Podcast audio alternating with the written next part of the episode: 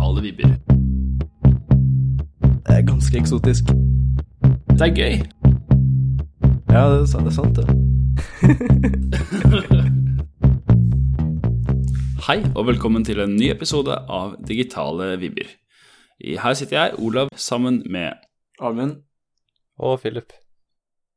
I dag så skal vi gå gjennom de samme faste spaltene. Vi skal snakke om hva som har skjedd siden sist. Vi skal snakke om hva vi har spilt, sett eller lest siden sist.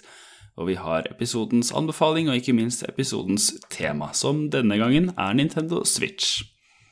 Og vi kan jo begynne på første spalte. Nettopp hva som har skjedd siden sist. Har Amund lyst til å begynne der? Ja, jeg kan godt begynne. Kan ta det, det kronologisk. Så ja, eh, det var første skoledag i dag. Jeg begynte på Eller nå har jeg begynt på påbygg til meddesignlinja. Så jeg har nå bare to fag og fire dager i uka. Det Er det flere som skulle ønske de hadde? Hvilke fag har du da? Altså, hva, hvordan er dette? Hva, hva er påbygg, liksom? Ettersom åssen meddesignlinja er lagt opp, så er det de fagene du mangler for å få studiekompetanse. For jeg har fått fagbrev, på en måte. Så det har nå, er norsk og historie. Det er jo skolestart for samtlige av oss, egentlig. Både, både Amund, Philip og meg. Ja, jeg, jeg har begynt på en helt ny skole. Philip, du går på samme skole som før? Altså videregående? Ja, ja. Ja. Det gjør jeg. Jeg går på samme skole, men forskjellig linje.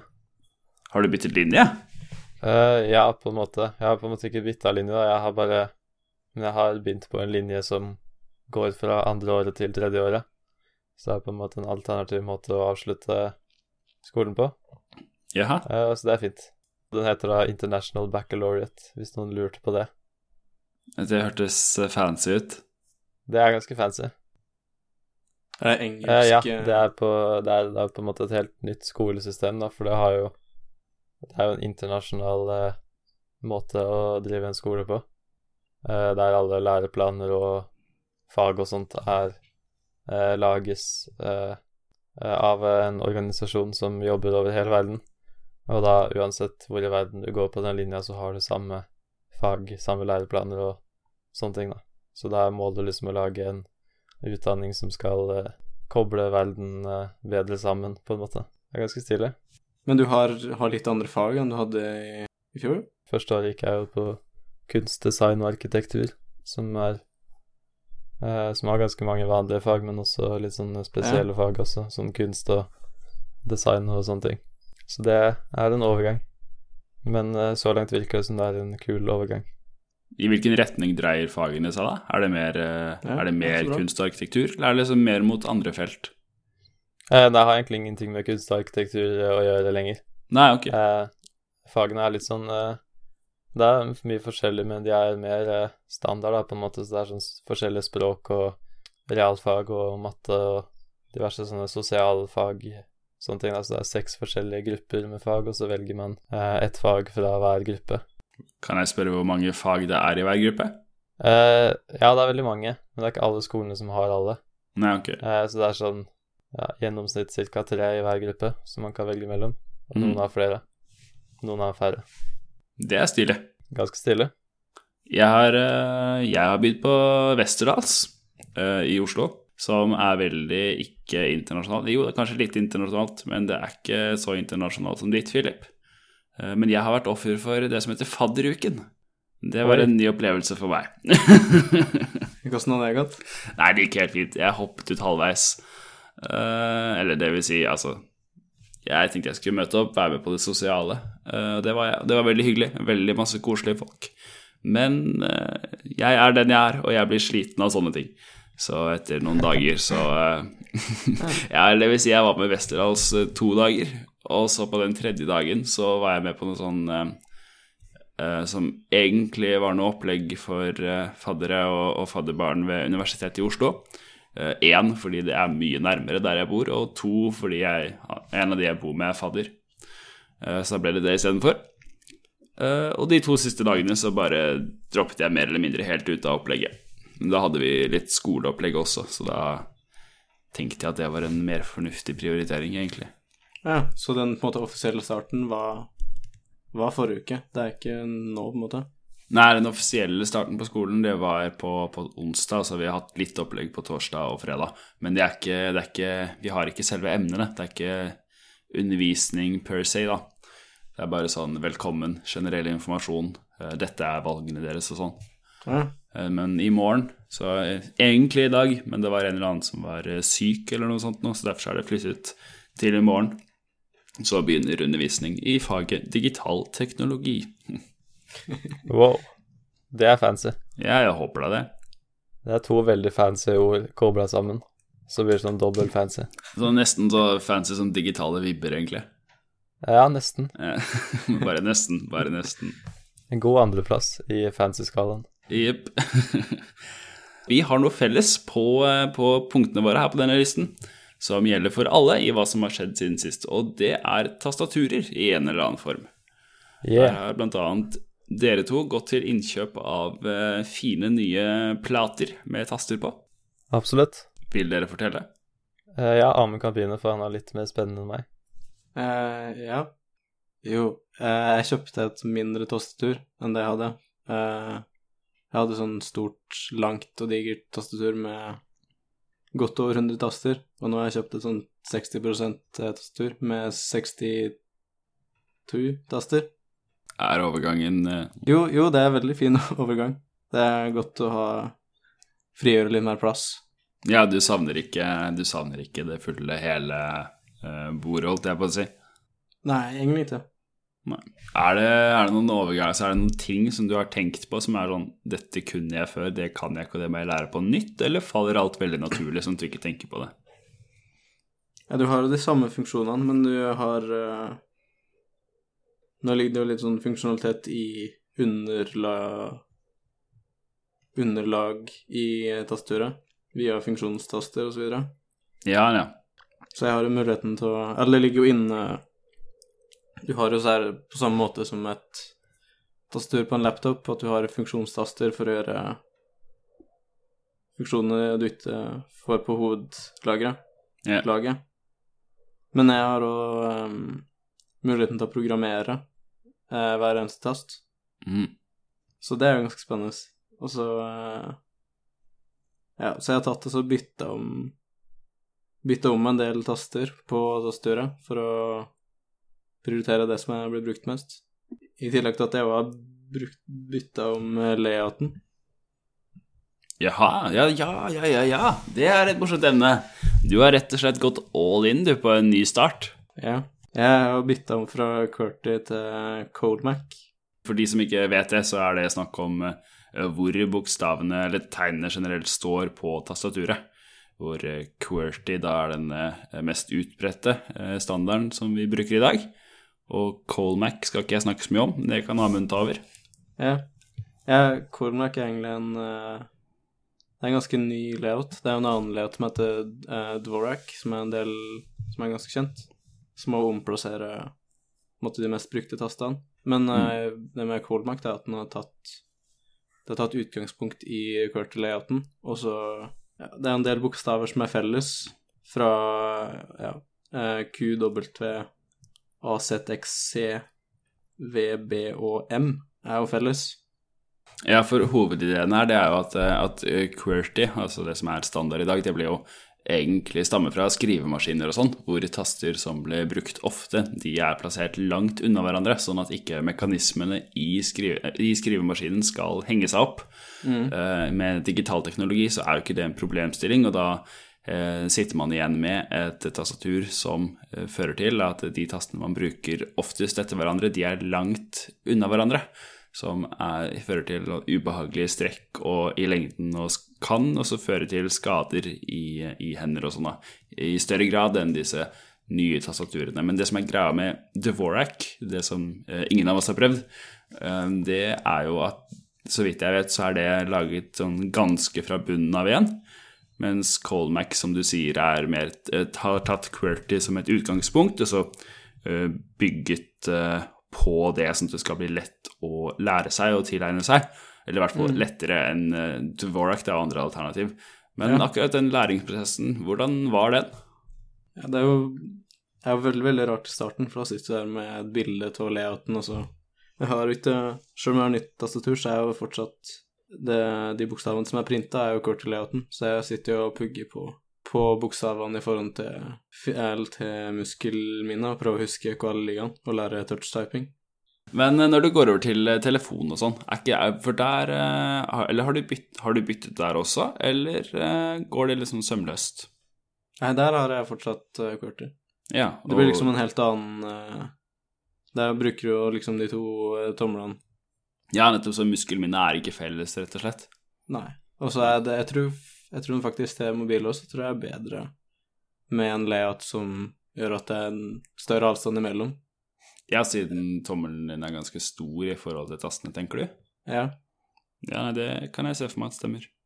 Og for de som tenker på brytere og eh, er glad i sånt, så har du gått for Eh, ja. Eh, MX Brown er de har, som er taktile, så det er jo eh, Det er vel samme, samme motstand som Mm. uh, de røde, men her med et lite taktilt klikk. Da er vi- så, jo, eh, da.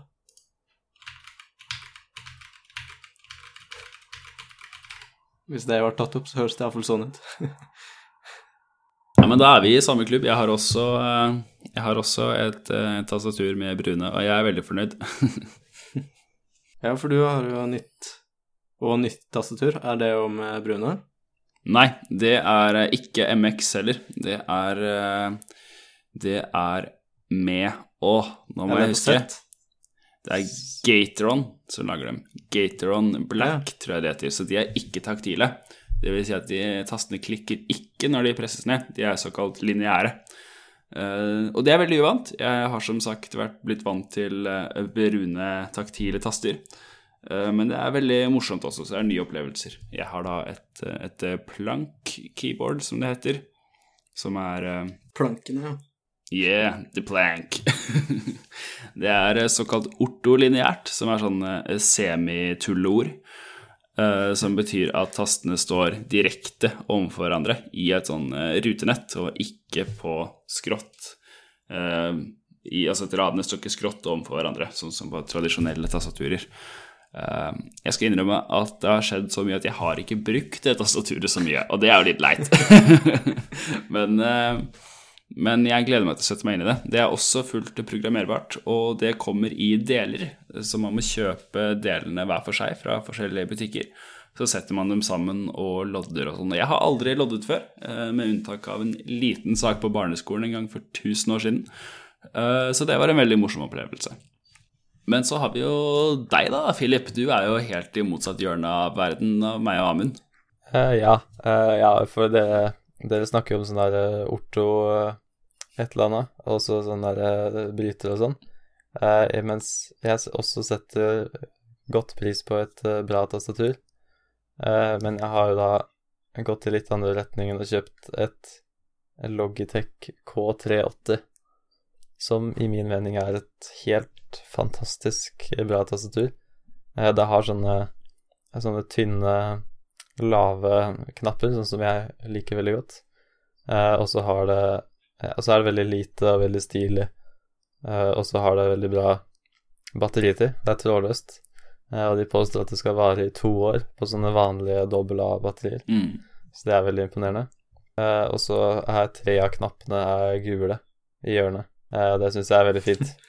Eh, det er eh, Ja, det er veldig viktig for meg. Tre gule knapper som man kan se på og trykke på. Det er veldig fint. Ja, for det er, der er litt mer sånn eleganse og, og en sånn kompakt formfaktor, på en måte. Som er målet ditt. Ja.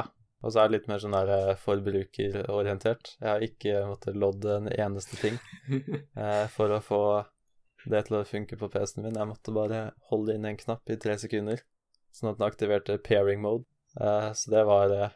Sømløs brukeropplevelse, som de kaller det. Absolutt. Det er bra, det med Logitech-produkter.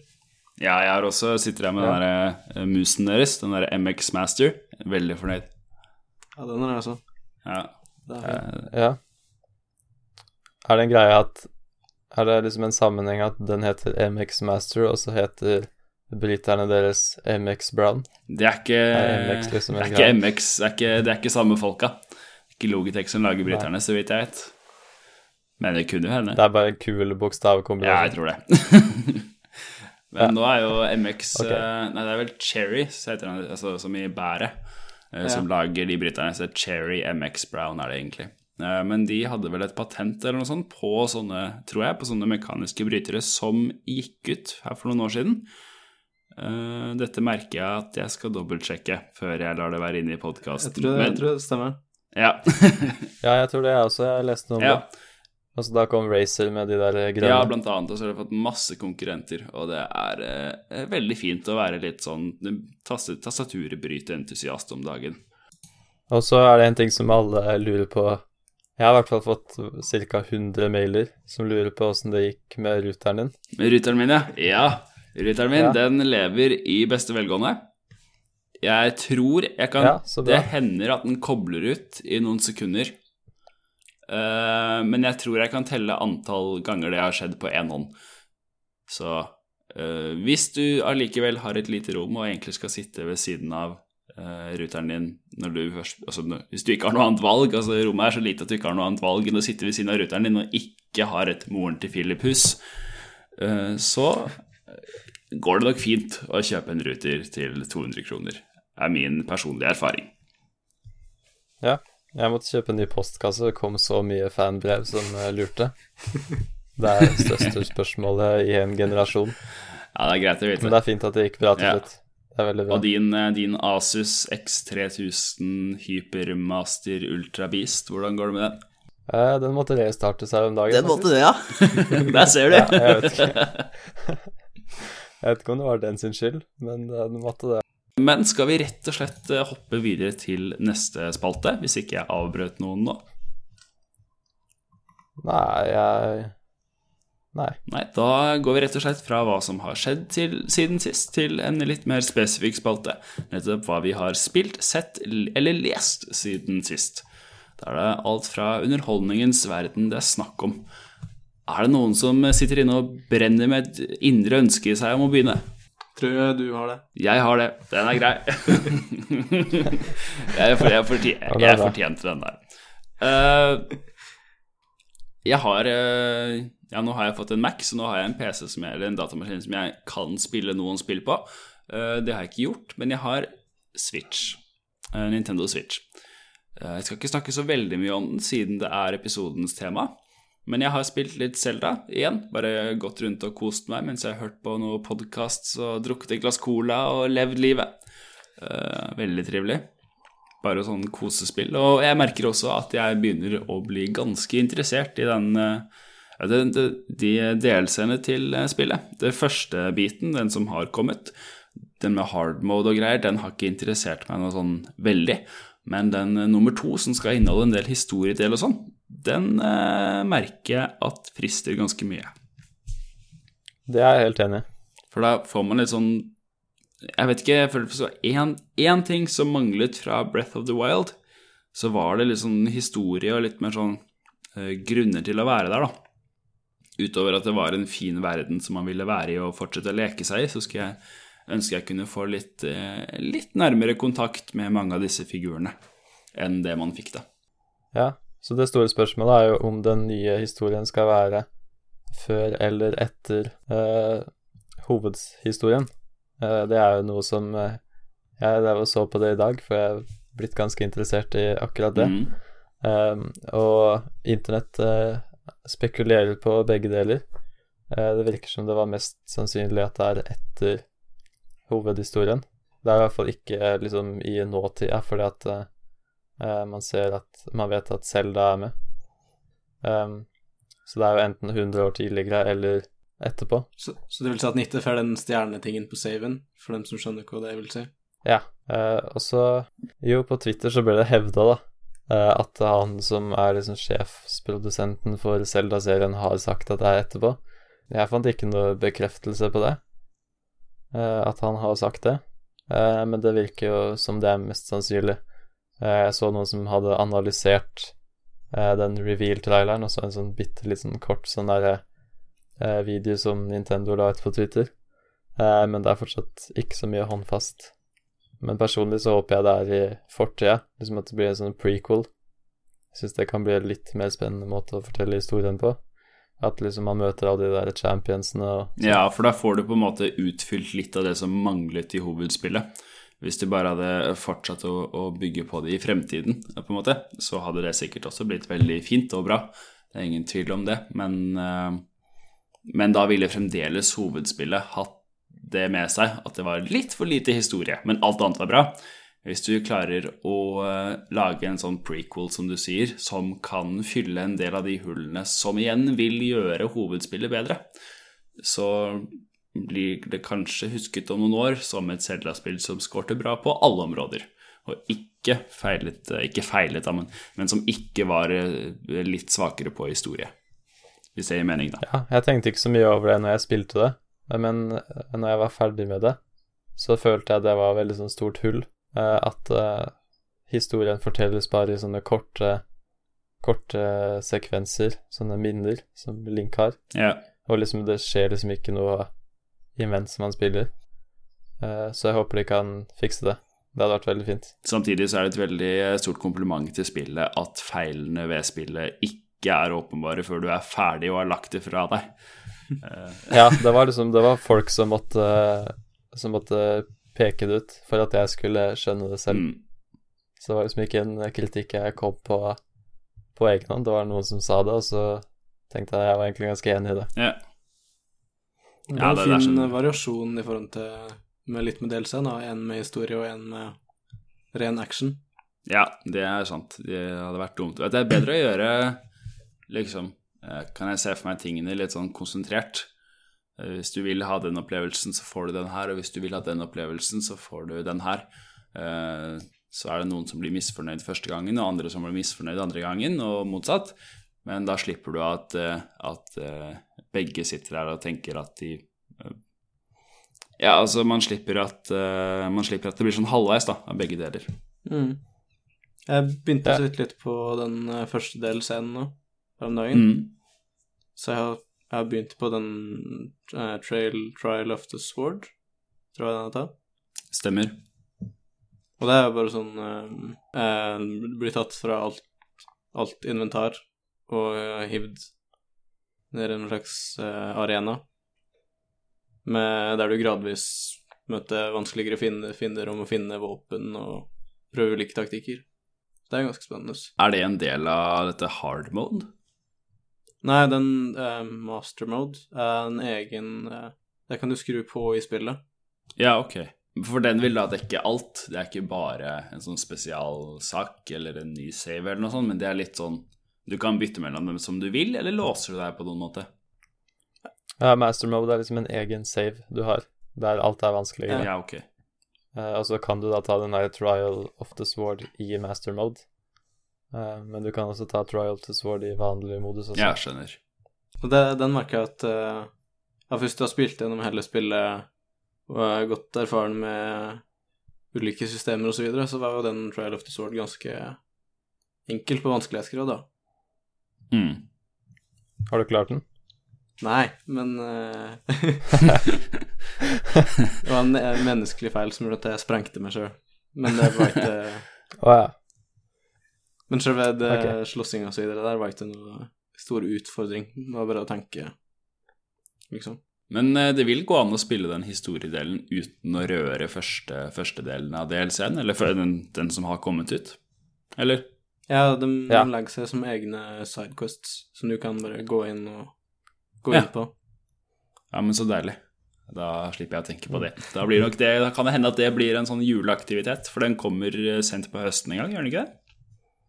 Uh, jeg tror den står som Holiday eh, 2017 eller Late 2017 eller noe sånt. Jeg tror det bare står 31. desember nå, men da kan ikke det endre seg. Ja, det er sånn placeholder-dato. Ja. Eh, men det kan jeg jo faktisk finne ut, da. Uh, Det hadde vært en fin eh, julepresang, det, fra hvis du allerede har kjøpt expansion pass. Absolutt. ja. ja, det står desember 2017. Det gjør det? Ja, men så flott. Da blir det er juleferien planlagt. Ja, men det er fint med sånne konkrete At i hvert fall har måneden. Ja. Det er kjedelig med sånne der veldig vage sånne ting som der eh, Kommer 2017, eller kommer I det 21. århundret. Ja, ikke sant? Det er litt kjedelig. Ja. Eh, det er egentlig Breath of the Wild er der hvor spillfronten stopper omtrent for min del. Jeg prøver å nitenke. Har jeg, har rørt et mobilspill eller et flashspill eller et eller annet? Men jeg har rett og slett ikke det. Eh, jeg har spilt eh, Jo, vet du hva? Det er ikke et dataspill, men det er et kortspill som jeg spilte på skolebiblioteket med noen venner. Jeg husker ikke hva det heter. En god start. en veldig god start. Men det var i hvert fall et morsomt, eh, morsom, eh, morsomt konsept. Så jeg kan jo dele konseptet, og så hvis noen vet hva det er for noe, så er det bare å rope ut. Um, man hadde en bunke med kort, og så brukte man eh, seks av kortene hver gang, fordelt på to spillere.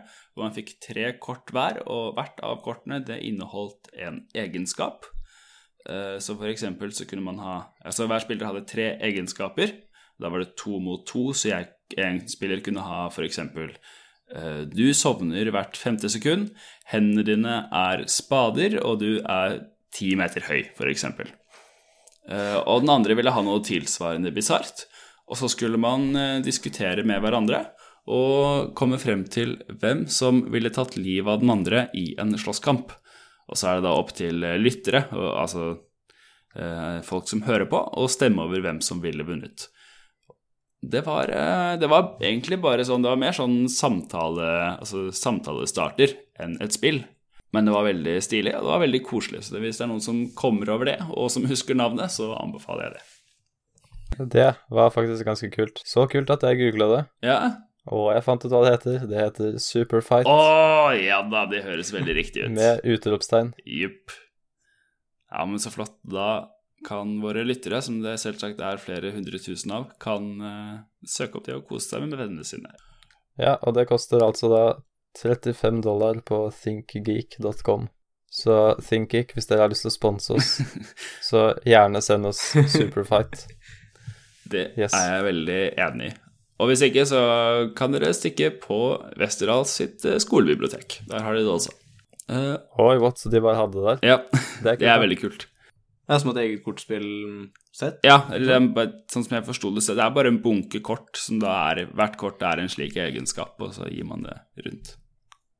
Det blir jo ganske mange kombinasjoner etter hvert hvis du har en 200 kort, så Ja, det virka altså som det var sånne utvidelsespakker også, Ja, ja, tøft. så man kan få flere. Uh, og så har jeg sett litt på TV-serier i det siste. Én skal jeg snakke kort om, én skal jeg snakke kort, men litt lenger om. Og Det første det er How I Met Your Mother. Eh, jeg har sett det mange ganger før. Jeg er ikke så veldig glad i sånn amerikansk sitcom-humor. Syns ikke det er sånn kjempegøy, men How I Met Your Mother slipper liksom litt unna fordi jeg så på det ganske mye da jeg var en, ja, sånn i åttende-niende klasse. Og da blir det litt sånn koselig og nostalgisk eh, for meg. Eh, Så det er en sånn koseserie som du bare har på i bakgrunnen og smiler litt til og nikker litt til. Og den jeg skal snakke litt lenger om, det er Rick and Morty, og da mer spesifikt sesong tre, som nå går og ruller utover hver lørdag på Netflix. Er det noen av dere som har sett Rick and Morty? Ja. Jeg har sett sesong én og to. Åh, herlig. Da vet dere hva jeg snakker om. Men uh, man kan sammenligne det med Simpsons og Futurama av disse, for det er sånne uh, tegneserier som uh, Altså for voksne og for voksne, men det er i hvert fall ikke laget for barn. Eh, som er designet for å kunne gå i det evige og det evige, men som da har et sånn særpreg som gjør at man liker det.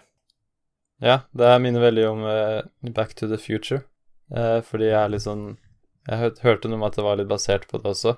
Liksom dynamikken mellom han der gamle mannen og så han der gutten i Back to the Future. Ja, ja. Og det, jeg syns det passer. Ja, det er jeg enig i. Jeg- Ja, for da snakker vi om disse filmene fra 80-tallet en gang. Uh, ja. Ja, den trilogien. Nei, det er fine filmer, altså. I hvert fall, hvert fall den første. Ja. I hvert fall den første. Så blir det litt gradvis dårligere. Men det som er fint, uh, for å få inn en uh, kjekk Segway, eller i hvert fall sånn liten U-turn, det er at Rick and Morty, det blir bare bedre og bedre.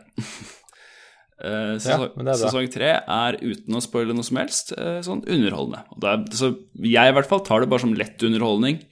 Eh, ikke tolk noe seriøst inn i det. Bare sett deg len deg tilbake med en, med en kopp te og et eller annet. Bare ta det innover deg, kos deg med at det er litt absurd. La det være litt absurd, ikke heng deg opp i detaljer. Og bare kos deg. Jeg har sett litt bare noen klipp fra den serien. Det ser, det ser veldig interessant ut, men jeg har liksom ikke fått sett meg inn i. Men jeg kanskje skal gripe den muligheten nå. Ja, alle tre, eller ikke så eh, De to første og det som har kommet av den tredje sesongen, det er på Netflix. Eh, I hvert fall var det det i går kveld, så jeg regner med at det fremdeles ligger der. Hvis ikke så tror jeg Adult Swim, som er det nettverket som lager det, så vidt jeg vet, eller i hvert fall produserer det, Ja. eh, de har det vel også tilgjengelig for streaming, er jeg ganske sikker på. Ja, og så kan jeg si Ja. erfaring at det er lurt å begynne på serier før det blir sånn altfor mye av det. Fordi når man har sett på Eller når man ikke har sett på noe, og så er plutselig er det sånn dritmange sesonger, så er det skikkelig Ja, vanskelig å begynne. Ja, Game of Thrones er akkurat det jeg Det er tenkte på. helt umulig for meg å sette meg inn i det nå. Jeg er enig. Jeg hoppa Det er aldri inn i det. Mm. Og nå er det liksom bare sånn her Skal jeg gidde å begynne å se på det? For det er jo tar en evighet å se på alt. Ja, ikke bare det. Så liksom Rick and Morty er liksom det er, Hver episode er 20 minutter, og det er, det er ikke så mange episoder i en sesong, så du kan liksom Du kan uh, catche opp og bare se masse, masse, masse, masse. Men så vidt jeg har skjønt det, så er jo Game of Thrones er ganske lange episoder, er det ikke det? Ja, det er én time. Det er en time, ja. De er på syvende sesong nå. Episode seks kom ut på ja, mandag 21. Ja, det er i dag. Men dere har ikke sett Game of Thrones, dere heller, så det er ikke sånn at jeg er han syndebukken som vi bare kaster ut av vinduet. Du er up to date? Jeg har ikke sett det. Ok. Jeg er ikke det.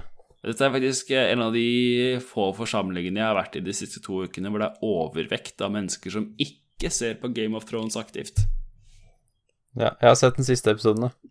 Den som kom i dag. Har du sett den og ikke alt andre? Eh, jeg har sett og sett. Jeg satt i en stue, og så var det noen andre som så på den. Ah, Uh, så jeg har sett enkeltscener av det.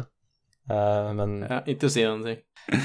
Å, shit, jeg kan spoile Game of Thrones. Det er eh, det må være en skikkelig sånn mind-blowing opplevelse. ja. Det er nesten så jeg misunner deg. Jeg har aldri vært i den posisjonen noensinne.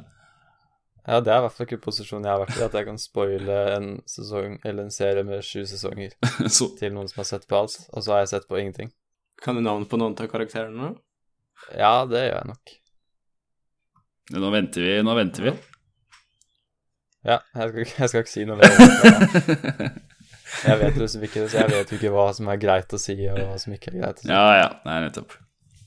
Så jeg tror jeg tar det forsiktig. Ja, for det er vel sånn at ja, nei, Nå blir jeg usikker på hva jeg kan si uten altså hva som er greit å si, men, men uh, uh, forventet levealder er ikke nødvendigvis den høyeste på mange av disse, er det sånn å forstå?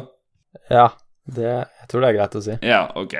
Eh, så man skal være forsiktig med navn fordi mennesker enten ikke skal leve eller ikke skal dø og sånt, og det er en spoiler i seg selv, at mennesker ikke har dødd. Ja. Ja, men liksom den De tilskuerne bak alt til Game Thrones har ikke lyst til å høre noen ting om episoden. Altså Nei. ingenting. Før de har sett den sjøl. Ja, det er sånn veldig kultur på det også, tror jeg. Ja, men det er det er blitt så stort, så det er liksom Det er Faren for å bli spoilet for det er så stor også, siden det er så mange som ser på, tenker du? Jeg, jeg tenkte, jeg, Det jeg tenkte på først og fremst, det er bare at interessen er så stor at ingen har lyst til å bli spoila for noe innhold. Fordi liksom hver episode er Så skjer det så mye nytt, da. Men eh, skal vi gå, rett og slett gå rett videre til deg, Amund? Hva du har gjort, Ja. eh, sett, nei, unnskyld, spilt, sett eller lest siden sist? Ja, jeg har eh, representert tre ulike medier. Sterkt. Jeg kan begynne på musikken. Eh, Et album jeg har hørt litt på i det siste, er eh, Crack Up av Fleet Foxes. Og Fleet Foxes, det er faktisk eh, eh, bandet som Father John Misty har vært med i før. Så hvis du er kjent med Father John Misty, så eh, Så det er litt samme ja, Samme sjanger. Eh, indie folk, indie rock-ish. Jeg adder det med en gang, jeg. Uh, ja. Så det er et veldig, veldig bra album. Og uh, jeg venta ganske lenge. De har ikke gitt ut uh, De har ikke gitt ut et album siden 2011, så det her var veldig fint. Å kunne få, plutselig få det uforventa, midt i fanget. Ja, for det kom nå nettopp? Ja, det kom siden, kanskje? Det er ikke dårlig. Og så ser jeg eh, på listen din, så har du skrevet opp Ready Player One filmen? Nei, uh, jeg kan gå rett over til den. Neste filmen til Steven Spielberg skal være en adop adopsjon av uh, boka Ready Player One, som jeg har hørt på lydbok. Ah. Oi. Det var, det var en bok som kom ut i 2011.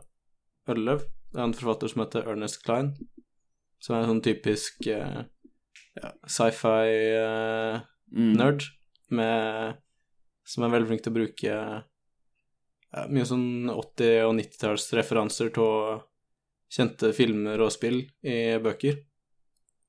Så den boka her er liksom en sånn eh, nostalgifantasi for uh, folk som har vokst opp med underholdning fra 80- og 90-tallet. De bøkene hans det er sånn jeg har kikket på veldig mange ganger, og så har jeg endt opp med litt dårlig samvittighet fordi jeg ikke har lest dem.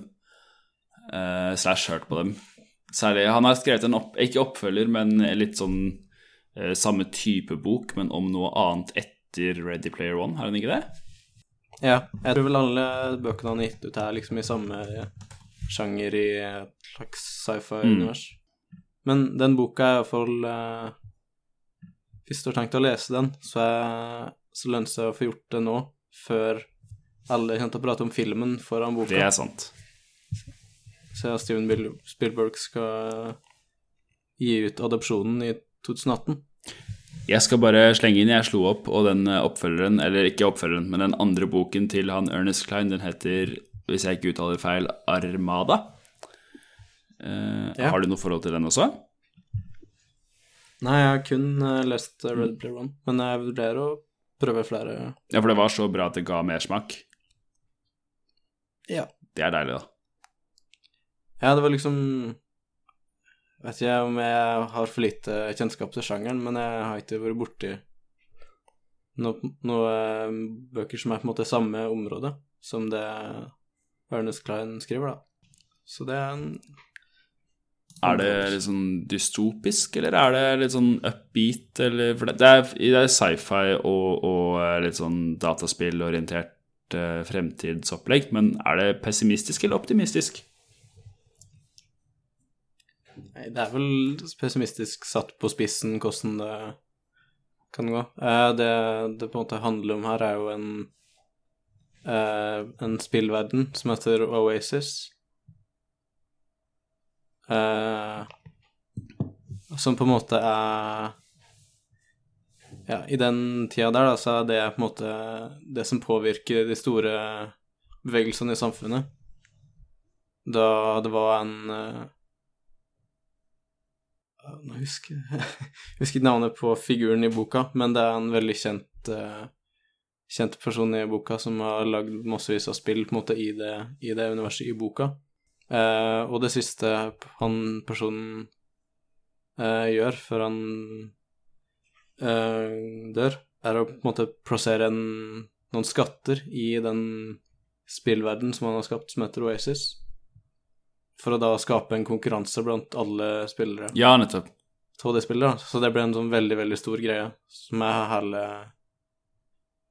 Som er premisset til boka. Ja, for da spiller man eh, Man spiller et altså, Handlingen foregår inni en datagenerert eh, Eller altså en, en, eh, dataspillverden. Uh, Ja. Men er det sånn som i Jeg vet ikke hvor mye du kan si uten å spoile, jeg, men er det en bakside ved det, på en måte? Ja, det jo Det, det blir jo naturligvis det når det er liksom Ja. Men det er spoiler-territoriet? Eller? Nei, altså, jeg tror det står Hvis jeg søker opp liksom synopsis på den boka, så tror jeg det liksom står som en del av Men synopsis, er ikke det Er det ikke spoiler i det? Er ikke det liksom sammendrag?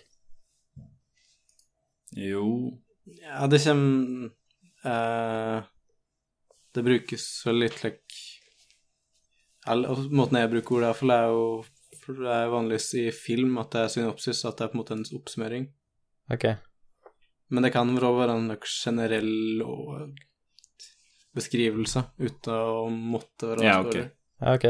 Ja, for jeg tror på IMDb, hvis man søker på Eller hvis man går på synopsis av en film, så står det liksom kronologisk alt hva som skjer, da. Så det er liksom så spoiler som det kan bli. Ja, det er vel lyst til å ha et utbredt og langt synopsis. Men det, det synopsiset jeg tenkte på, er på en måte en beskriv eller introduksjon som vil stå Ja, så som står bak som i boka? Eller på baksida?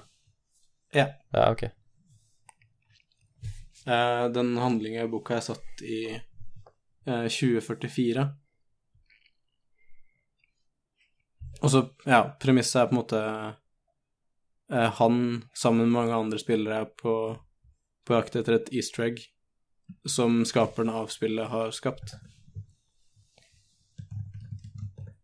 Og på en måte det, alle de eh, utfordringene der eh, har en en måte en bakgrunn i eh, forskjellige spill og filmer, da, så du må måtte ha litt av nerdekunnskap om filmer for å kunne klare de utfordringene som spillskaperen har satt ut.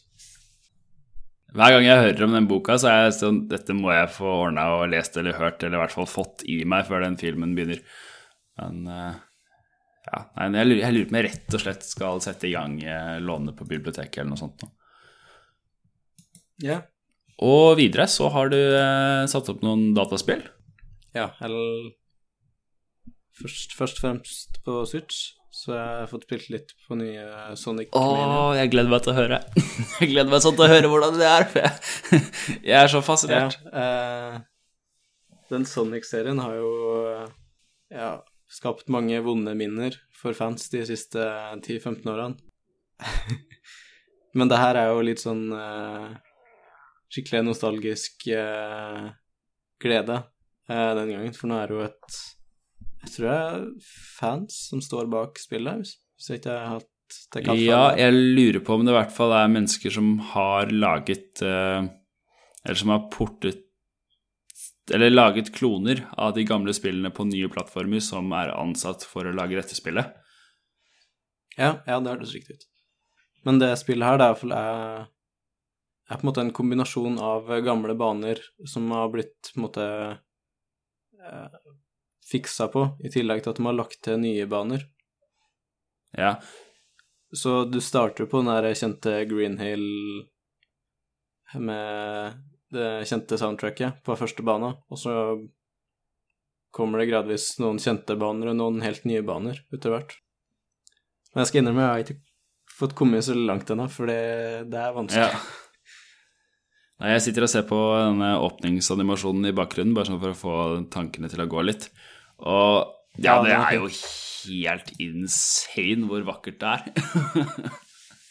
sånn selve spillet, altså jeg har ikke noe forhold til uh, sånn, Jeg har spilt litt sånn uh, Vi er vel alle litt for unge til å være Sega-kids som elsker Sonic.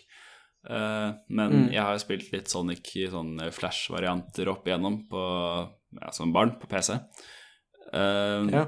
Men der stopper det, liksom. Eh, så jeg har sånn litt minne av Sonic fra barndommen, men ikke noe særlig. Men de animasjonene der Og det er så pent! Og det er så vakkert! Det, man, man må jo sette pris på det samme om man liker det fra før eller ikke. Dette er jo helt grenseløst kult. Men må si den animasjonen er jo ikke Det er ikke den stilen Nei. som er i spillet. Spillet er jo pikselgrafikk.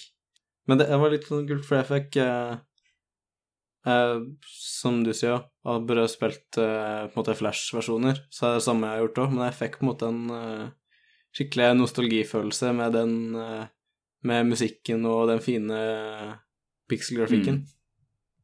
Ja, det bare Jeg husker jeg så på noen sånn Sonic-serie. Det er jo faktisk en del av barndommen, da. Jeg så på en sånn Sonic-serie som gikk på TV2 en gang for en ti år siden, kanskje. Uh, Ja. Og jeg, jeg bringer altså Jeg hadde helt glemt den serien før jeg så den animasjonen, altså den åpningsanimasjonen og litt av spillet og sånn. Det er jo jeg, jeg har ikke så, det, er, det er bare så flott. Det er bare så mm, Jeg vet ikke. Jeg, jeg kan ikke så mye om animasjon, så jeg har ikke, jeg har ikke liksom ordforrådet til å uttrykke meg skikkelig nå. Men det er så, så mykt og flytende, og alt bare funker. Og fargene er vakre sammen, og ting Altså selv om det er overnaturlige ting som skjer, så føles det naturlig, da. Og det er bare gjort så gjennomført. Ja. Jeg er helt enig. Altså, det er jo ja, Fyren som står bak animasjonen nå, er jo bare en sånn fyr de har fått inn fra ja, Som er liksom på lik linje med de eh, fansene som har porta spill Ja. tidligere. Så han er jo bare en sånn up and coming eh, animasjonsfyr, han òg. Men han har jo stelt i stand det der, så han ja, er Ja, se. absolutt. Helt, eh, helt enig der. Har du noe forhold til eh, Sonic eller Sonic Mania eller eh, TV-serie eller hva som helst, Philip? Uh, nei, jeg har spilt uh, Sonic 3 and Knuckles. Ja, Uh, for jeg tror kanskje Jeg tror kanskje jeg fikk det på Har noe et eller annet sånn her sånn, Xbox? Ja, noe sånn Sega et eller annet collection-greier. Med masse sånne gamle Sega Mega Drive-spill. Ja, det er jo skikkelig stilig. Ja, det er så kult. Jeg spilte litt, men det var liksom ikke Vet ikke, jeg orka ikke Nei. fortsette. Uh, Sonic Mania virker ganske kult, da. Så jeg har vurdert det Ja, litt. jeg må innrømme at jeg vegrer meg litt for å prøve, for jeg ser at dette går fort, og det er plattformer, og det er, som, det er mye som egentlig sier til meg at uh, dette kommer du til å synes er vanskelig og ikke nødvendigvis gøy, selv om det ser kjempekult ut, Olav, sier jeg til meg selv. Eh, men det ser fremdeles kjempekult ut, da. Jeg, vil si at det er verdt å prøve. At det, det fungerer med at man på en måte har lagt inn litt vanskelighetsgrad i det. For det blir Det blir jo litt sånn lettbeint-greie som du plukker opp og spiller i små seksjoner, og så kommer du gradvis eh, videre. Ja, så du mener at det er ikke for vanskelig selv for en som ikke kan noe særlig Sonic fra før? Nei. Og så har du også spilt litt eh, Zelda DLC. Det har jo for så vidt snakket om. Eh, er det noe du ønsker å utfylle med? Nei, jeg tror egentlig jeg fikk sagt det som uh, Ja. der. Det er gøy. Eh, det er, i, tillegg til, til den trial-tingen, da, så er det jo sånn eh, Ja, jeg ville kalt det fetch quests med Eller som er riktig uttrykk for det, men det er litt sånn forskjellig kult nytt utstyr som du kan uh, gå rundt og hente opp. Ja, ok, Ja. Så, men uh, ja, for, for questene, da, det, er det å hente det kule utstyret, eller er det som å gjøre sånn hent ti kyllinger, liksom? Nei, det er å hente det kule utstyret. Altså det, det er en gøy Ja, altså de sender deg ut på eventyr og hele pakka? Ja, og så er det litt sånn uh, Du får litt kryptiske beskrivelser til hva eh, de, de tingene Mm. liker. Så du må liksom være litt innforstått med de ulike områdene i, i spillet, og så videre. Så det er litt kult. Og så, ja eh, Og det siste jeg har spilt det, Jeg begynte på det i går kveld, så jeg har bare spilt en halvtime, men jeg syns allerede det virker veldig riktig for eh, en av mine favorittspillsjangere på PC. Ja. Så det som jeg har bare skrevet ned her som EGR Det har jeg lurt på veldig lenge hva er for noe. eh, Det er et sånn uh, walking simulator, som dette. Et interaktivt uh, storyspill. På Steam, eller? Uh, ja. navnet er um, Everybody's Gone to the Rapture, er navnet. Ja Skal kanskje søke opp det. Ja. ja. Jeg har hørt om dette, kjenner jeg til sånn halvveis. Det er det skal ikke jeg legge ord i munnen på deg eller ta ordet noe særlig, men det er et sånt mysterie av noe slag, er det det? Ja. Uh, jeg gikk inn ganske blind her, så, men jeg tror det er et eller annet om uh, noe dystopisk uh, Litt framtidsgreier, så det er et eller annet som skjer i en sånn liten, koselig engelsk by. Med noen folk som blir borte, og litt sånn mystiske ting som skjer. Men jeg har egentlig ikke kommet helt til forståelsen av hva som faktisk skjer. Men eh, befinner du deg midt oppi det, eller kommer du etterpå og ser spor av hendelser, på en måte, eller eh, hvordan funker dette? Ja, du mm, Du på en måte går rundt i den koselige engelske landsbyen. Sånn veldig eh, ja, bonderomantisk, eller hva man skal det. Sånn Ja. småby. Og så eh, går du rundt og leter etter eh, radiofrekvenser for å kunne se handlinger som Ja, har skjedd. ja, ja. ja. Litt eh, lignende eh, Ja, det blir kanskje litt lignende som uh, Edith Finch eh, og uh, The Vanishing of Ethan Carter. Ja, det var jo det, det som kom nå før sommeren en gang. Ja, det var Edith eh, Vanishing of Ediths Nei, What Remains of Edith Å Finch. ja, er det flere Edith Finch-spill?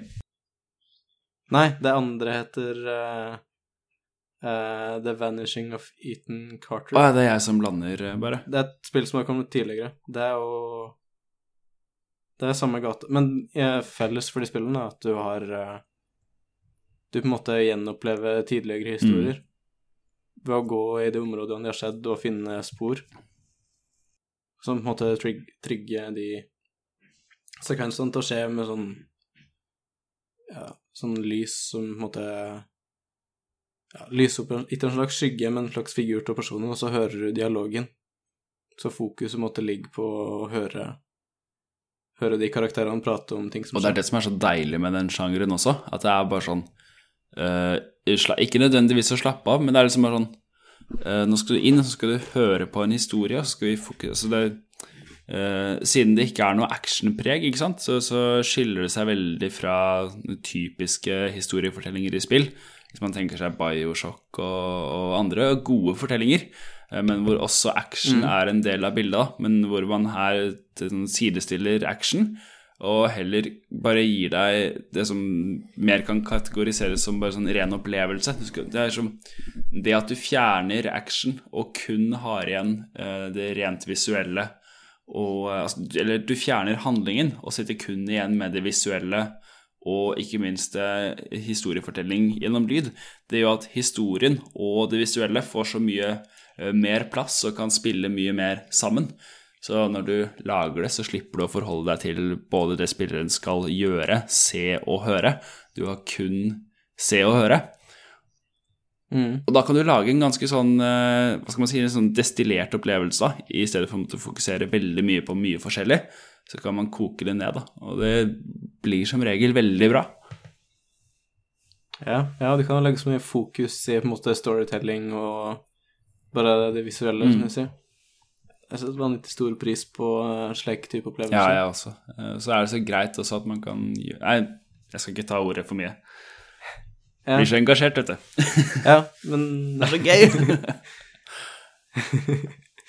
Ja, det er jo, det er jo en ganske ny, ny greie. Det er jo bare Vet ikke hva som var på en måte forløperen til den eh, walking simulator-sjangeren, men det har jo liksom noe som har vært på trappene de siste kanskje fem årene, maks. Jeg kan tenke meg at det kommer som en sånn her eh, tretthet fra alle disse eh, enspillerkampanjene og i skytespill og, og Det er sånn motreaksjon da, mot retningen som dataspill har tatt. Og Og til det positive. Altså, motreaksjoner skaper hybrider, som igjen skaper innovasjon. Det er fantastisk. Mm, og det er, jo- det er jo litt sånn indie-utviklere som ofte står bak de titlene her. Og så du på en måte fjerna det med å måtte lage gameplay-systemer for eh, slåssing og ja, alt. Alt der så har du på en måte muligheten til å sette mye større fokus på på ja, lyd og video, fortelling av historie, og lage på en måte fine Ja, et veldig eh, Ikke nødvendigvis, men kanskje et ganske fint eksempel på at eh, less can be more, på en måte. Eh, så Det er ikke alltid det funker, og det må gjøres bra. Altså, less er eh, Less is more bare fordi at less er veldig, veldig bra. Eh, så det krever jo absolutt, eh, vil jeg tro, nesten like mye, om ikke mer, å lage en god sånn destillert opplevelse enn å lage en grei, lang opplevelse. For det er også en sak med disse spillene, at de er jo veldig korte som regel. Eh, Ja. Det gjør det jo også til veldig fine sånne kveldsprosjekter, da, som en, som en kinofilm, egentlig. Mm. Ut ifra det jeg har forstått den her, så tror jeg den er litt litt lenger enn det de tidligere har spilt, eh, som jeg nevnte Mhm. tidligere. Eh, What Remains of Edith Finch og Vanishing of Ethan Carter. Det er sånn rundt to timer, men det her er visst nærmere tre-fire. Ja, Såpass, ja. Men her inngår det også en litt egen opplevelse og kun det å utforske ja, en veldig fin engelsk småby, eller landsby. Så du kan på en måte ta deg litt mer tid til å bare ta inn det visuelle. At det ikke er så konsentrert som uh, i ditt Finch, der alt på en måte skjer inne i samme hus. Nei, det Det høres interessant ut. Jeg lurer på om jeg må Uff, det er, det er litt farlig med disse spaltene her, merker jeg, for jeg har bare lyst til å spille og lese alt. Og ikke minst høre på musikk. Det har jeg gjort. Det, det er noe av det bedre som har skjedd etter den pod, dette podkastprosjektet. All musikken. Åh! Jeg bare lar det strømme inn på Spotify-listene mine, så har jeg masse koselig å ha på. Ja, ja, jeg må si. Det er veldig fint med å få litt input fra Og så har du har jo ganske lik musikksmak, eh, alle tre, innenfor uh, alle de sjangrene som er yeah. til felles, da. Eh, Philip, skal vi hoppe videre til, uh, hvis det er greit for deg, Amund? Ja, jeg er ferdig. Uh, ja, Philip. Um, eh, spill er det ikke så veldig mye. Uh, Switchen min er jo, som vi lærte i første episode, på reparasjon. Triste saker. Eh, ja, jeg har fortsatt ikke hørt noe. Um, og jeg tenkte det skulle gå fint, for jeg hadde liksom ferdig med Zelda, har liksom klart eh, alle cupene med tre stjerner på Mario Kart 8. Imponerende. Imponerende. Ja. Ja. Måtte bare nevne det foran et stort publikum. Det var ikke så veldig humble brag heller. Jeg vil Nei. egentlig kategorisere det som brag, men det er helt greit. Ja. Det var, det var ganske fint å bare nevne en sånn kjapp og prøve Ja. å gå videre. ja. Ja, men eh, Ja, da kan vi gå videre, da. Eh, jo, Heder og ære. ja, eh, så tenkte jeg liksom det skulle gå fint, da. At det her var en bra tid å liksom sende inn den til reparasjon. Um, men uh, så har jeg veldig lyst til å prøve DLC pack 1 til Selda. Den har vi jo snakka fryktelig mye om nå. Ja. Uh, men Mm. jeg begynte så vidt på den før jeg sendte den inn, og så var jeg liksom ikke helt inne i det. Men så har jeg sett masse gameplay av den der Trial of the Sword, og det virker jo dritkult. Ja. Så jeg har lyst til å gjøre det. Og så har visst kommet et minigolfspill. Og minigolf er jo det kuleste i verden. Uh, som betyr at minigolfspill er det nest kuleste i verden. Uh, så det har jeg veldig lyst til å prøve. Det heter Infinite Minigolf. Jeg tror kanskje Hamund har det. ja, jeg har spilt eh, kanskje ja, jeg, jeg prøvde et par runder med en kompis Ja. på storskjerm. Det var Det var kult. Ja. Og det er litt sånn eh, Det er lagt opp for å være morsommere på en måte i litt sånn sosiale sammenhenger. At det Det ikke nødvendigvis trenger å være veldig skill-basert, men litt mer sånn Ja, litt sånn rart. morsomme tilfeldigheter. Ja, det er bra. Eh, og så er det selvfølgelig Splatoon 2, da, som jeg har prøvd på sånn der åpen beta to ganger tidligere. Eh, jeg syns det har vært veldig bra. Jeg har vært fryktelig dårlig, da. Jeg har stort sett bare tapt. Eh, men så har jeg liksom hatt lyst til å bli bedre i det. Så det er et spill jeg har tenkt å kjøpe når jeg får tilbake Switchen. Det virker veldig gøy. Uh, så ellers så har jeg sett på sesong fem av House of Cards. Å, gøy! Men ikke si noe! Ja. Jeg har ikke lyst til å si så mye om den, uh, annet at det er liksom bra sesong. Ja.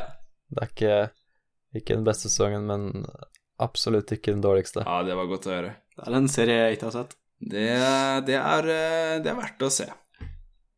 Ja, det er det. Eh, og så har jeg jobba den siste uka veldig mye på en nettside om noe som kanskje Amund skal snakke om seinere. Så da, i den forbindelse, så har jeg fått eh, mye tid til å høre på eh, masse musikk. Um, så et av albumene jeg har hørt på, syns jeg var fryktelig ekstremt bra. Eh, så det er da i en gruppe på tre album som er så langt på delt førsteplass på årets album 2017 for min del. What? Eh, det er da eh, Melodrama av Lord. Det syns jeg var fryktelig bra, så det har jeg hørt på veldig mange ganger siden første gangen. Og så også Ja, og så har jeg hørt på et album som Olav anbefalte for veldig lenge siden. Oi! Det var vel i mars. Ja, det var vel i mars en gang. kult. Ja. Uh, og det er uh, The Beautiful Game av Wolfbeck. Jeg veiver med hendene og er glad. Ja, det er et bra album, ass. Det er veldig Det- bra. Ja. Så det har jeg hørt på veldig mange ganger, det også. Eh, Det likte jeg veldig godt. Det gjorde Amund også. Det er så stilig. Ja. Yes, ja, men det er fint. Har vi en anbefaling som alle har prøvd, og alle Ja. er enig i at det er bra. Det er kanskje første gang. ja. Eller det er første gang alle har hørt på det fra før og er enige om at det er bra. Ja. Ja. Andre ganger så er det dere to som er enige om at musikk er bra, så er det jeg som ikke har hørt det. Ja. uh, og så lærte jeg for noen dager siden at uh, Beck kommer med et nytt album i oktober, Oh, yes. som egentlig skulle komme i 2015, men så fikk den en lanseringsdato som var 21. oktober 2016, og så bare kom det ikke. Eh, og så skjedde ingenting. Eh, men plutselig så kom det noe nytt om det. Eh, så det heter da Colors, og det er jeg veldig hypa på. Fordi han har gitt ut tre singler til det. Eh, jeg har bare hørt på to av de, for den siste er sånn der eh, Finner den ikke noe sted. Det er som en del av soundtrack i Fifa 17 eller noe sånt. Um, som en sånn eksklusiv greie der. Så den har jeg ikke fått hørt, men uh, det virker som det blir veldig bra. Så i den anledning så tenkte jeg jeg skulle høre på alle de tidligere albumene til Beck, for det har jeg faktisk ikke gjort før. Så det jobber jeg meg gjennom. Jeg har hørt på sånn tre stykker nå. Ja, hvilke har du hørt på? Eh, de tre eldste. Jeg går framover i tid. Ah, ja, de første der er kanskje ikke Det er en helt annen sjanger. Beck er jo eh, Ja, en fyr som har ny sjanger for hvert album. ja, jeg har ikke vært superimponert. Det er veldig annerledes enn det som er de to singlene til det nye albumet, for det er jo De to nyeste singlene er jo veldig, veldig meg. Det er veldig sånn her upbeat og liksom glad musikk. Eh, mens de tidligere albumene er veldig sånn her rolige greier. Så ja. Jeg, men jeg jobber meg framover, og kommer etter hvert kanskje til ja, noen som jeg liker veldig godt. For det tror jeg. Han er en flink fyr. Mm. Jeg digger, digger Beck. Nice. Han er bra. Uh, ja, det er meg, egentlig. Ja, Er det rett og slett sånn at vi skal hoppe over på episodens tema? Ja. Da går vi over til episodens tema, som eh, denne episoden er Nintendo Switch. Det blir spilldominert i dag. Eh, Vi kan komme tilbake sterkere på teknologi, sånn annen teknologi og eh, film og bøker eventuelt eh, senere, men i dag så blir det mye Switch fordi det ble sånn. ja, det er sånn det ble. Ja. Det er offis offisiell grunn. Ja. Uh, og det første da, det er vel konsollen. Vi har vel alle hatt konsollen sånn cirka siden mars, tidlig april. Ja. Og er eh, hvordan Bortsett fra at du har jo litt dårlige erfaringer da, Philip. Eh, så akkurat sånn Akkurat sånn maskinvaremessig så har det vel ikke vært Altså det har vært solid, men eh, Men bortsett fra Ja, den denne vært- lille mini-Ben-gaten, da. Ja, det var jo det at, som vi fortalte, som vi lærte i forrige episode, at den, den ble bøyd, rett og slett. Bøyd, bare. Ehm, det var jo ganske uheldig, eh, vil jeg si. Det var jo ikke det jeg hadde håpa på, men ellers så har den vært sånn fysisk veldig bra. Mm. Fungert fint, og veldig bra batteritid, for eksempel. Har ikke liksom slått den på, og så har det vært sånn her Å nei, nå har jeg ikke strøm, så nå får jeg ikke spilt, liksom. Nei. Så det har vært veldig fint. Og dette mente jeg da jeg fikk den, og, og, eller kjøpte den, og det mener jeg fremdeles, at formfaktoren på den, altså størrelsen og hvordan den ligger i hånden og sånn, eh, det er jo altså sånn Det er mye sånn ergonomisk eh, som kunne vært bedre, men jeg føler som de har funnet en sånn, en sånn veldig fin balanse mellom størrelse for beste opplevelse, samtidig som den ikke blir for stor og tung. Eh, og den er også pen å se på, og det mente jeg den gangen. Jeg mener det i dag. Og den er rett og slett, rett og slett en veldig, veldig fin konsoll, egentlig. Ja, absolutt. Og ikke minst en, sånn skikkelig, en skikkelig god hybridløsning, som egentlig er den første av sitt slag. I hvert fall den første av sitt slag som har fått det skikkelig til, føler jeg, da. Ja, Mm. det kan du si. Og den aller beste håndkontrolleren Ja, enig. tenker jeg på pro. Ja, ja, nettopp. Ja, den er, den er superbra. Den har ikke Olav, da. Nei, uff. Eh, meg. Nei, jeg har ikke det. Den er eksepsjonell.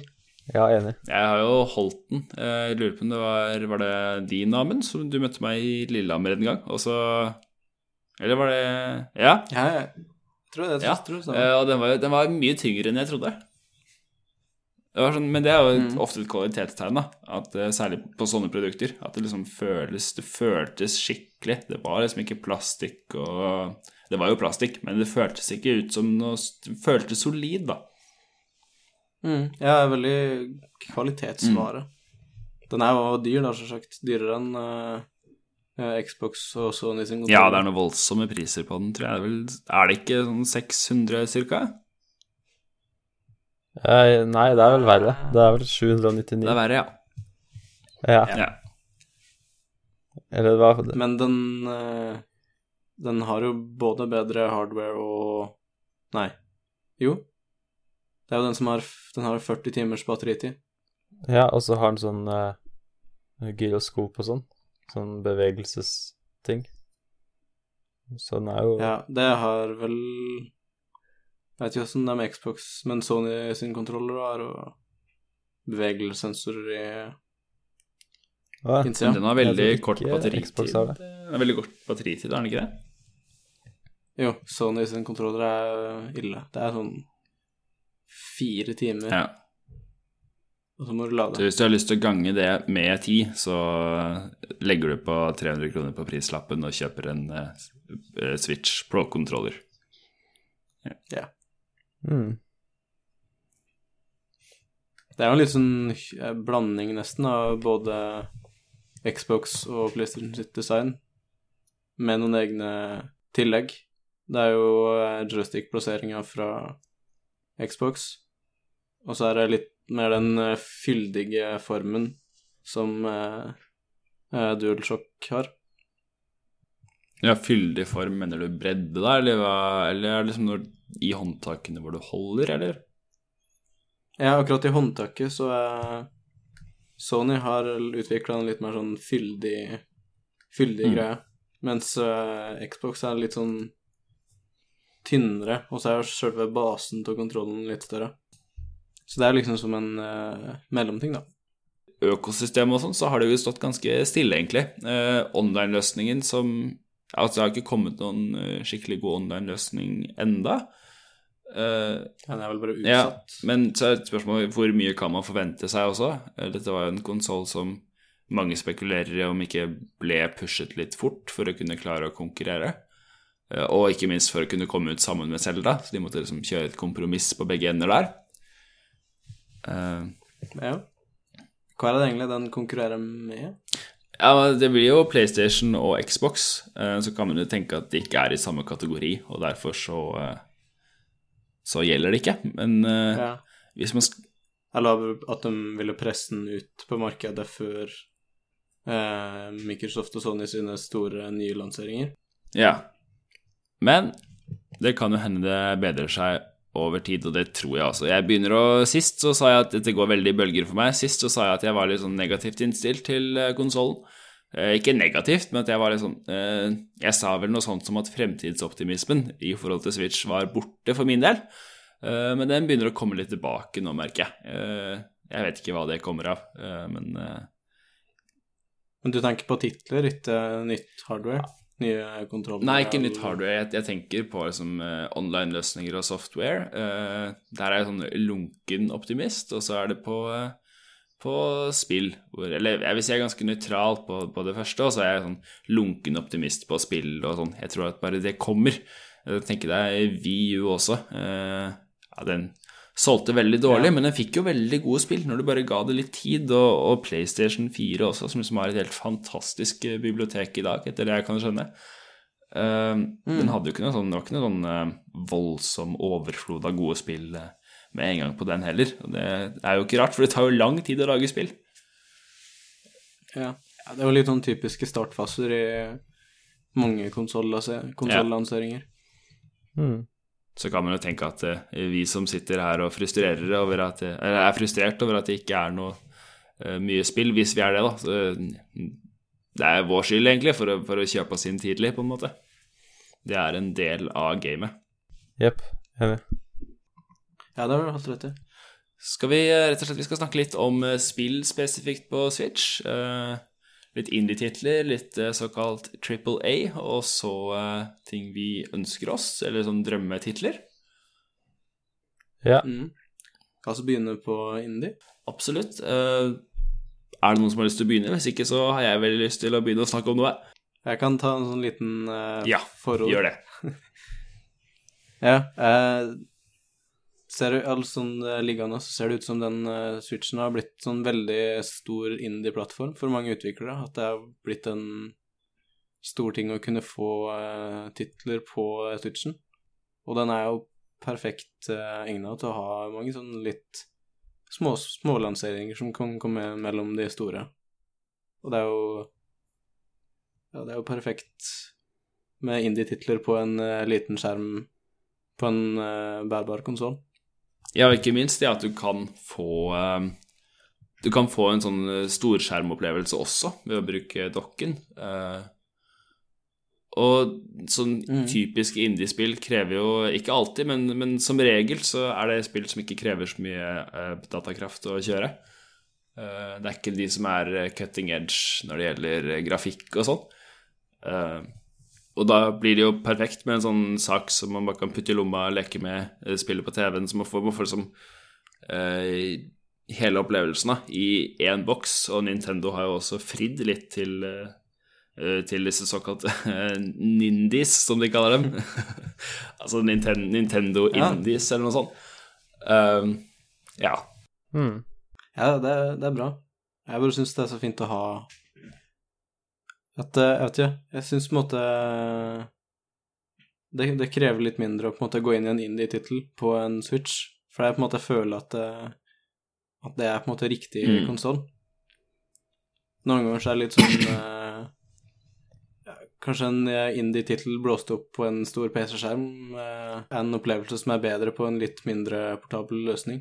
Ja, og så når man ser eh, I hvert fall jeg, da. Hvis jeg ser sånn Stardew Valley og sånn på, på PlayStation 4 uh, og Xbox One, som er like store og etablerte som det Nintendo er, og de er egentlig veldig like selskaper, men konsollene er litt forskjellige. Uh, det er et eller annet inni meg som syns at det skjærer litt. Uh, jeg vet ikke hva det er, og det er, litt, det, er, det er jeg som er irrasjonell og tullete, men jeg føler at det blir litt feil. Mens eh, Nintendo Switch det har liksom den riktige sjarmen. Det sånn Det hører hjemme der. Mm. Jeg, jeg, jeg syns det samme. Jeg har aldri, aldri følt uh, Aldri følt at ja, sånn indie-titler egentlig hører hjemme på PlayStation. Da tenker jeg liksom litt sånn ja, store titler som du eh, blåser opp på skjermen. For å vise hva du kan, liksom. Ja. At det er litt mer sånn show-off i eh, Mm. Sony og Xbox sine opplevelser. Ja, for hvis man Jeg vet ikke om dere har switchen foran dere. Jeg har i hvert fall switchen i en dokk i, i sidesynet mitt. Og, og det er jo Ja, ikke-. Å, jeg stem- Unnskyld, Philip. Unnskyld. Du må bare gni til. Ja. Mm. Ok, greit. det. Og, Ja, og det er så deilig. Står der i. Nei, men det er egentlig det som er poenget mitt, at det er det ikke. Altså hvis du ser på eh, Det er kanskje derfor det krasjer litt i hodet mitt også. For PlayStation og Xbox, det er liksom sånne uh, De står der og er elegante, ikke sant. Eh, Switch Nei, uh, PlayStation har den derre skeive eller sånn uh, ultrahyperkule designet. Litt sånn sportsbiler, liksom. Uh, det gjelder egentlig Xboxen også. Det er litt sånn sportsbilpreg over dem. Sånn, nå skal vi vise hva vi kan, vi skal pushe all kraften frem. Uh, mens Nintendo, og, og spesifikt Nintendo Switch den er, altså, Når du holder den, så er den veldig elegant og pen, den også, men det er en helt annen form for elegant og pen. Det er liksom eh, det praktiske og det elegante først, og så Den ser ikke så imponerende ut på egen hånd, da, hvis det gir mening. Nei. Nei, Nintendo har liksom aldri vært uh, Vært den som går fram og liksom skal vise hva de kan gjøre på, Mm. på det tekniske. Det har liksom mer handla om uh, måtte en måte selve spillopplevelsen foran det med ja, 4K eh, bildeoppløsning eller eh, HDR-bilde eller hva det måtte være. For det er liksom det som er på en måte eh, de unike salgspoengene som eh, som Sony og Microsoft har på markedet, at innenfor konsoller til en viss pris, så kan de få fram så og så mye kraft. Altså, mis, misforstås rett her, eller jeg, jeg skal ikke snakke for dere, men jeg snakker i hvert fall for meg selv når jeg sier at eh, at det er veldig bra at man pusher teknologi fremover. Det er veldig stilig, og det er veldig morsomt. Eh, Men det jaget etter så stor oppløsning som mulig, så stor eh, virkelighetsnærhet i grafikken som mulig, så stor bildefrekvens som mulig, det er veldig gøy, det er veldig fint, det er veldig flott og spennende å følge med på, men man trenger det ikke alltid, og da er det så deilig at Nintendo er her og bare Det er ikke så farlig. Bare slapp av. Bare kos deg og spill. Ja, helt enig. Jeg, jeg, er sunt, egentlig, for, eh, for spillmarkedet å ha noen litt sånn andre aktører som har litt, Mm. litt annet fokus. Men eh, sånn mer konkret på disse indiespillene, så er det jo noen som har sagt at de skal komme. Eh, Blant annet eh, min lille personlige favoritt, som kanskje eh, lekket litt gjennom tidligere i min litt lange monolog, eh, nemlig Stardew Valley. Ja, Åh, jeg er med på det. Det er flott, det. Og det er så deilig, og det er så koselig. Yes. Det Er det noen spill, eh, indiespill på Switch som dere har noe større forhold til, eh, Philip? Eh, nei, det er stort sett Stardew Valley som jeg har veldig lyst til å spille ordentlig. Mm. Jeg begynte jo på det på PC, men så var det liksom sånn ja, Så så jeg at det kom en Switch-versjon, og da ville jeg ikke fortsette. Vil jeg spille på den i stedet. Ja. Så det blir bra. Det gleder jeg meg veldig til. Eh, ellers kommer jeg ikke på noe, faktisk. Hva med Amund? Jeg, jeg har litt sånn, tenker det samme snur der i forhold til eh, Det er jo fælt av de spillene hos 40 som har Som er allerede lansert på eh, ja, enten på PC eller på PS4. Men jeg tror det er litt sånn mer at eh, For, for min egen del så ønsker jeg ønsker å spille de spillene der på Nintendo sin konsoll. Mm. Um, ja, Super Meat Boy, for eksempel, er jo Det har jo vært lansert et par år, tror jeg. ja, jeg tror det kom i 2011, Jeg er faktisk. Ikke, Men jeg tenker at det Det kom på Ja. jeg, jeg bare tenker at den er veldig fin å liksom bare ha Ha på switchen og kunne ta en runde Mm. med iblant.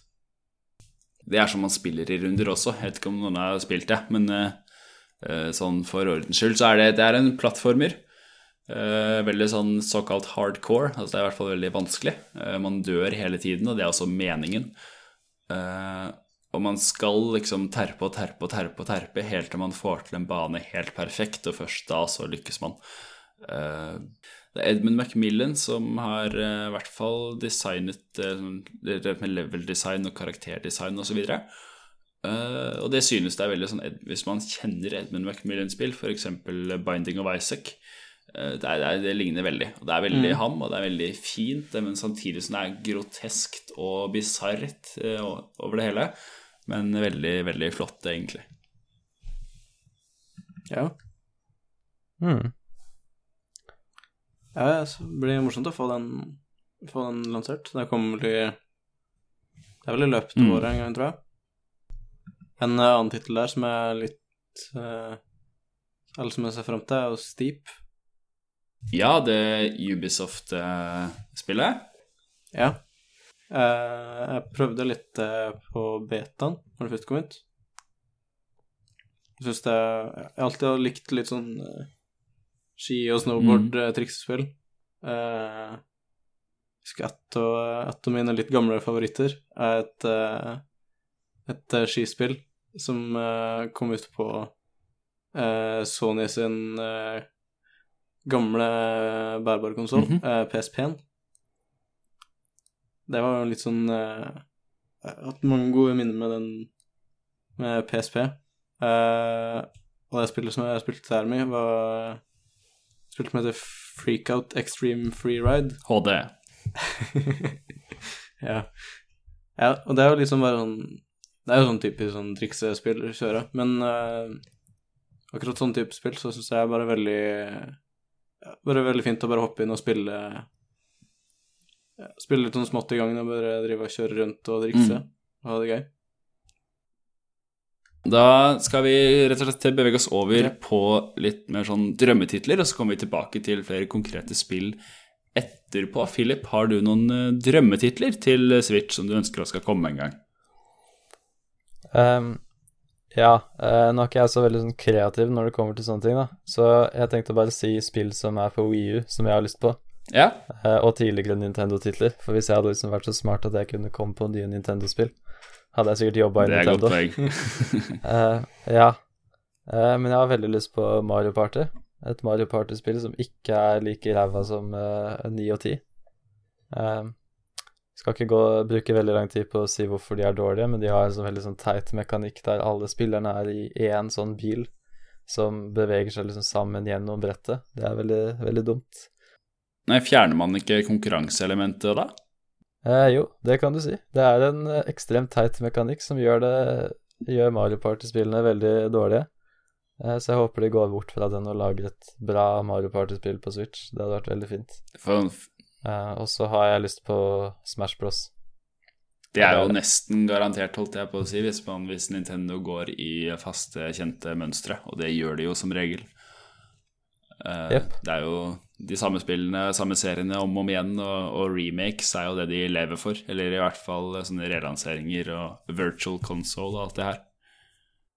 Har du noen drømmespill, eh, du, Amund? Uh, um, nei, jeg tror egentlig ikke jeg har det. Nei.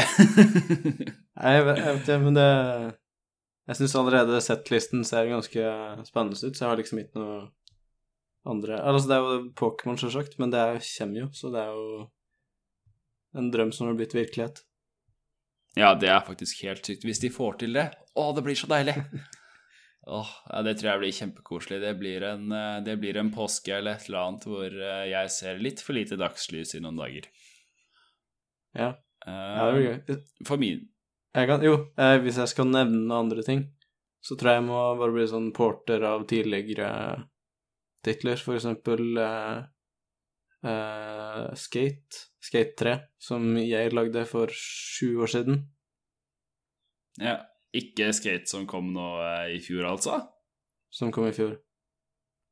Det Var ikke det i fjor? Det som var så dårlig?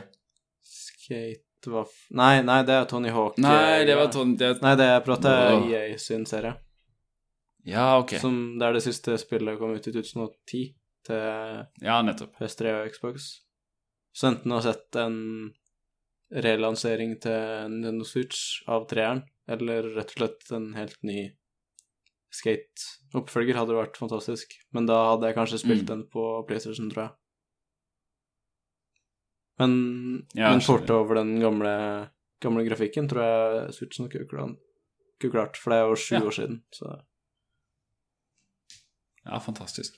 Nei, jeg, jeg faller også litt i samme, samme kategori, egentlig, hvor jeg ikke nødvendigvis ønsker meg nye spill, men mer sånn ting som allerede finnes, som hadde vært gøy på Switch. Eh, for min del så er det Overwatch. Eh, det tror jeg hadde gjort det sykt bra på Switch.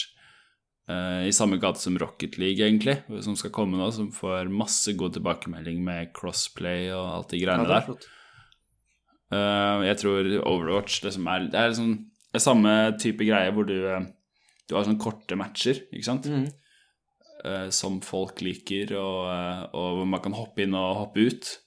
Og det tror jeg er litt sant for Overwatch også. Det, hvis man liksom får en sånn portabel Overwatch som man kan ta med seg på, til venner og sånn, så tror jeg det blir veldig gøy.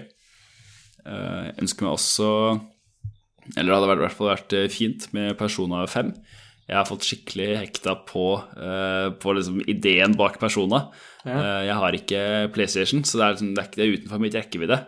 Uh, så det er litt sånn grådig eget ønske om at hvis det er på Switch, så kan jeg spille det. jeg skal ikke legge skjul på det, men det er også det at jeg tror Persona er en Så det virker sånn fra utsiden, da, fra en som ikke har spilt det, som en sånn serie som vil gjøre seg godt på håndholdte konsoller som Switch. Eh, Så vidt jeg vet, så var vel Persona 4 på PSP, tror jeg. Ja. PSP og Eh. PS Vita. Ja. Så den er jo kjent i Eh. håndholdt, sin håndholdtversjon der. Det spørs om, men det spørs om de har lyst til å ha det spillet over til Switchen, da.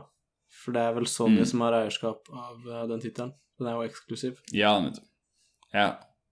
Altså, da blir det litt komplisert her. Du har spilt Persona. Er det noe som vil egne seg på Switch? Jeg tror det skal kunne fungere, for det er ikke Altså, selve liksom gameplay og verden der er ikke for komplisert eller for grafisk eh, krevende til at det, det ikke skulle gå an på Switch. Mm. Det er vel eneste at jeg tror det spillet kommer til å bli ganske stort. Så at det burde Jeg vet ikke hva som er Er det noe mm, Hva som er begrensningen på eh, de cartridge-greiene til Nintendo? Nei, nå husket jeg plutselig ikke. Jeg lurer på om det rett og slett er 32 gigabyte, eller noe sånn ganske lavt som det. Okay.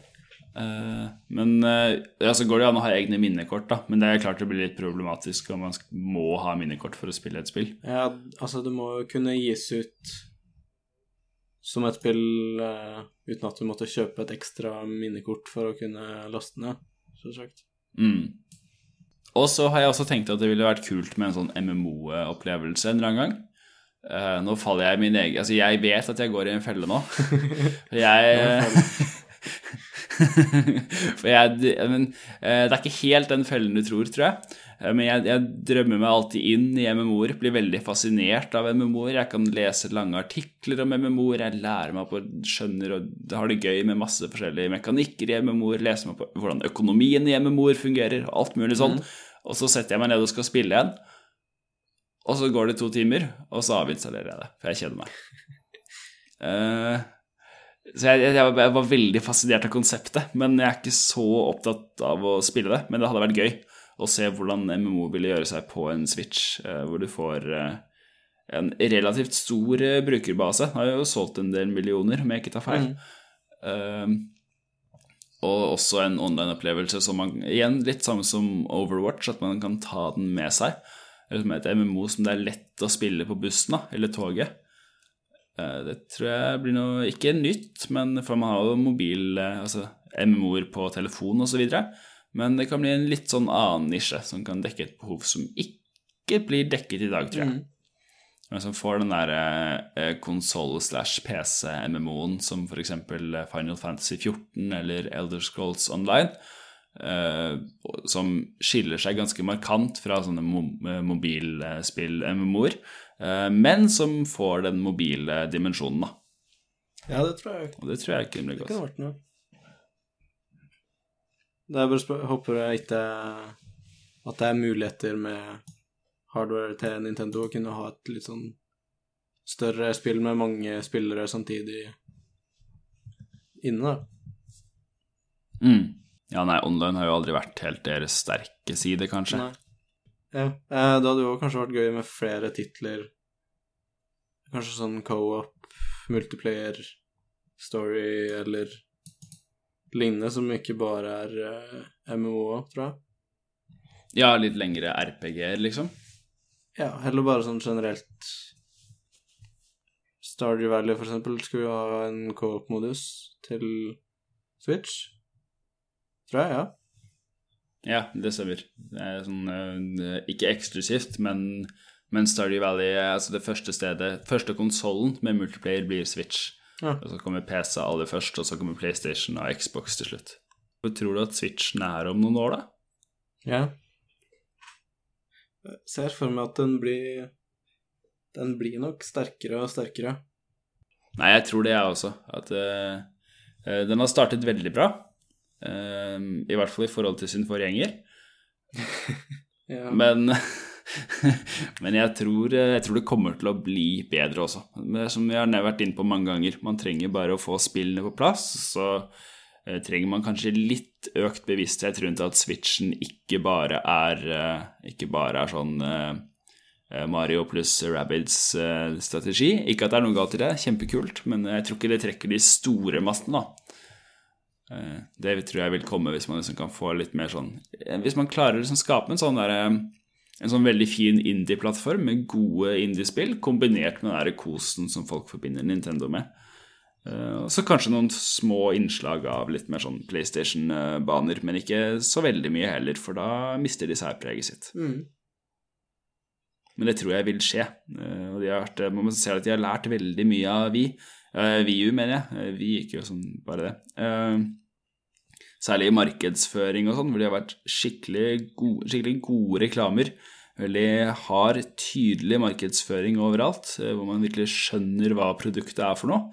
I motsetning til eh, VU, som da er et sånn klassisk eksempel hvor folk ikke helt skjønte om det var en eh, add-on til VU, eller om det faktisk var en konsoll. Ja. Både i navnet og hvordan konsollen ser ut og alt sånt. Ja, og reklamen også. Helt, eh, det virker som det Du vet disse eh, WeFit-boardene og Ja. sånn, som kom til første Vi? Altså, jeg gikk tilbake og så på en av de første VU-reklamene, og det ser ut som et av de produktene, liksom. Mm. For de viser bare gamepaden, ikke sant? så man skjønner ikke at det er en uh, egen boks, da, ved å bare se på reklamen. Det er selve gamepaden du skal plassere på gulvet og balansere på. Nei, uff. det blir dyrt, tror jeg. Ja. Skal vi se. eh, Og så var det rett og slett, er det rett og slett tid for å hoppe over til episodens anbefaling. Ja. Og da er det, siden vi har funnet ut at alle er så glad i Wolfpack, Morsomt navn. jepp, så er det rett og slett Wolfpack som blir ukens anbefaling. Det er en eh, Ja, hvordan vil du beskrive musikken, Amund? Eh, veldig sånn eh, rytmisk beat-basert Jeg likte beat, men sånn eh, En del instrument, instrumentalt med sterke rytmiske sek seksjoner. Noen ganger med, med vokal, noen ganger uten. Ja. Og jeg, eh, jeg er ikke så god til å identifisere sånne, eh, sånne ting og trekk ved selve musikken. Eh, Men jeg er, det jeg bruker musikk til, det er som sånne, er som sånne verktøy for å gjøre noe annet. Eh, Og da kan jeg melde at hvis du har lyst til å gå en tur, eller hvis du, egentlig hvis du skal jobbe med et eller annet, eh, som ikke er sånn eh, som ikke er så tekstheavy at du ikke kan ha vokaler i bakgrunnen, eh, samtidig som det ikke er så kun grafisk heller, eh, så vil jeg si at Wolfbeck Wolfpack egner seg veldig godt. Hvis du liksom skal jobbe med som Det er noe som ikke er så grafisk at du kan sette på en Det er ikke så grafisk arbeid at du kan sette på en podkast. Det er ikke så tekstheavy arbeid at du kan eh, høre på musikk med vokaler, men en sånn mellomting. Mm. Da er Wolfbeck Wolfpack perfekt å ha i bakgrunnen, og da er særlig, eh, særlig fokus på albumet The Beautiful Game. Ja, det er jo venta det litt mer like eh, Ja, litt mer vokal, selvsagt, og litt mer sånn eh, større variasjoner og litt friskere eh, Ja, sjang, ja, lite sjanger, men litt sånn uh, lydmiks, vil jeg si. Ja, det er sånn upbeat og greier. Jeg har liksom sittet og hørt litt Jeg har egentlig hørt gjennom hele diskografien mens jeg har jobba de siste dagene.